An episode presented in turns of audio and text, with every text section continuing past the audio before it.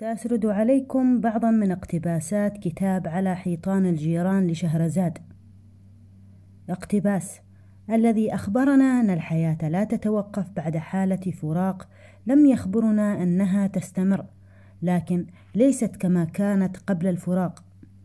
لا تهدر المزيد من عمرك وتبكي خلف قافلة تدرك تماما أنها تعمدت الرحيل من دونك. لا تنحنوا لالتقاط أي شيء وضعتموه على رؤوسكم احتراما وتقديرا. وأسقط نفسه حنينا للقاع فهناك أشياء وأرواح يعتبر القاع موطنها الأصلي مهما أبعدتها عنه. تعود إليه. الذي يتخلى عنك في أول الطريق أرحم بك ممن يتخلى عنك في منتصفه.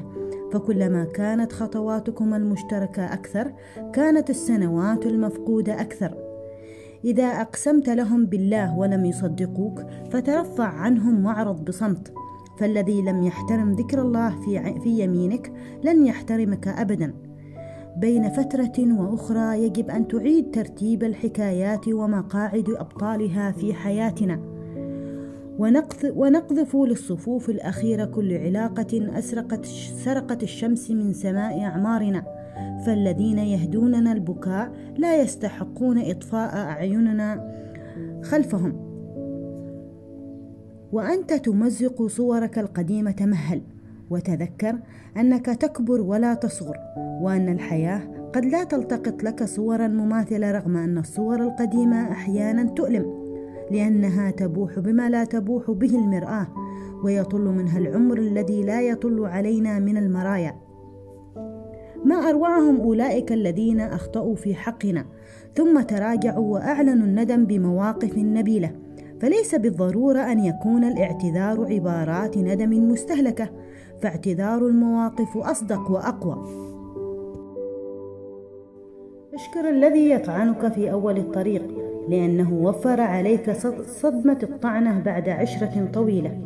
مع الوقت تحول الكثير من رفاقنا إلى ذئاب لم يأكلوا عشانا ولم يسرقوا ملابسنا لكنهم أكلوا أعمارنا وسرقوا ثقتنا في أشياء كثيرة.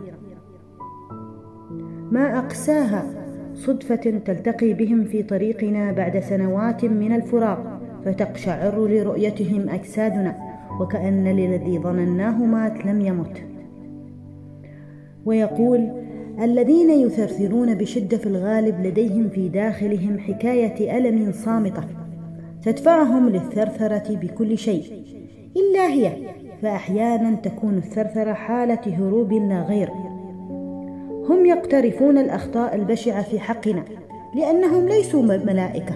نحن أيضا لا نستطيع الغفران لهم في كل الأوقات لأننا أيضا لسنا بملائكة.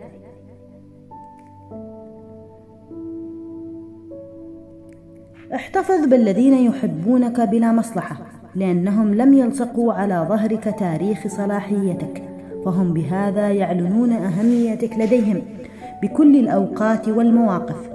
لا تجرحوهم فالحياة لا تمنح فرصة الاعتذار دائما ولا القلوب تحتفظ بقدرتها على الغفران للأبد. نعم المسامح كريم لكن ليس في كل المواقف يمكننا أن نسامح ونكون ذلك الكريم. في رحلة الجري خلف أشياء لا تستحق. نحن في الغالب نخسر أشياء كثيرة تستحق حقيقة تألمنا كثيرا حين نكتشفها في مواسم الحصاد.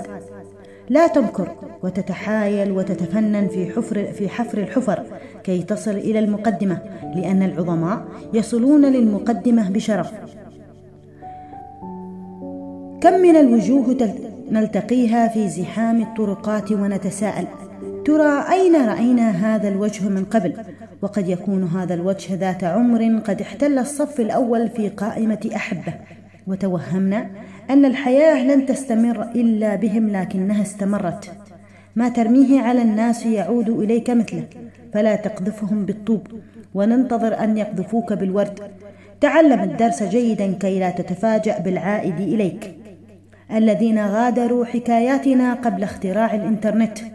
انقطعت أخبارهم عنا نهائيا لأن يومها لم يكن العالم قرية صغيرة ولم تكن أحرف الكيبورد بمثابة مفاتيح الدخول إلى منازلهم الإلكترونية. لهذا أضعناهم في الزمن الآخر حيث كانت تفاصيل الحياة مختلفة تماما.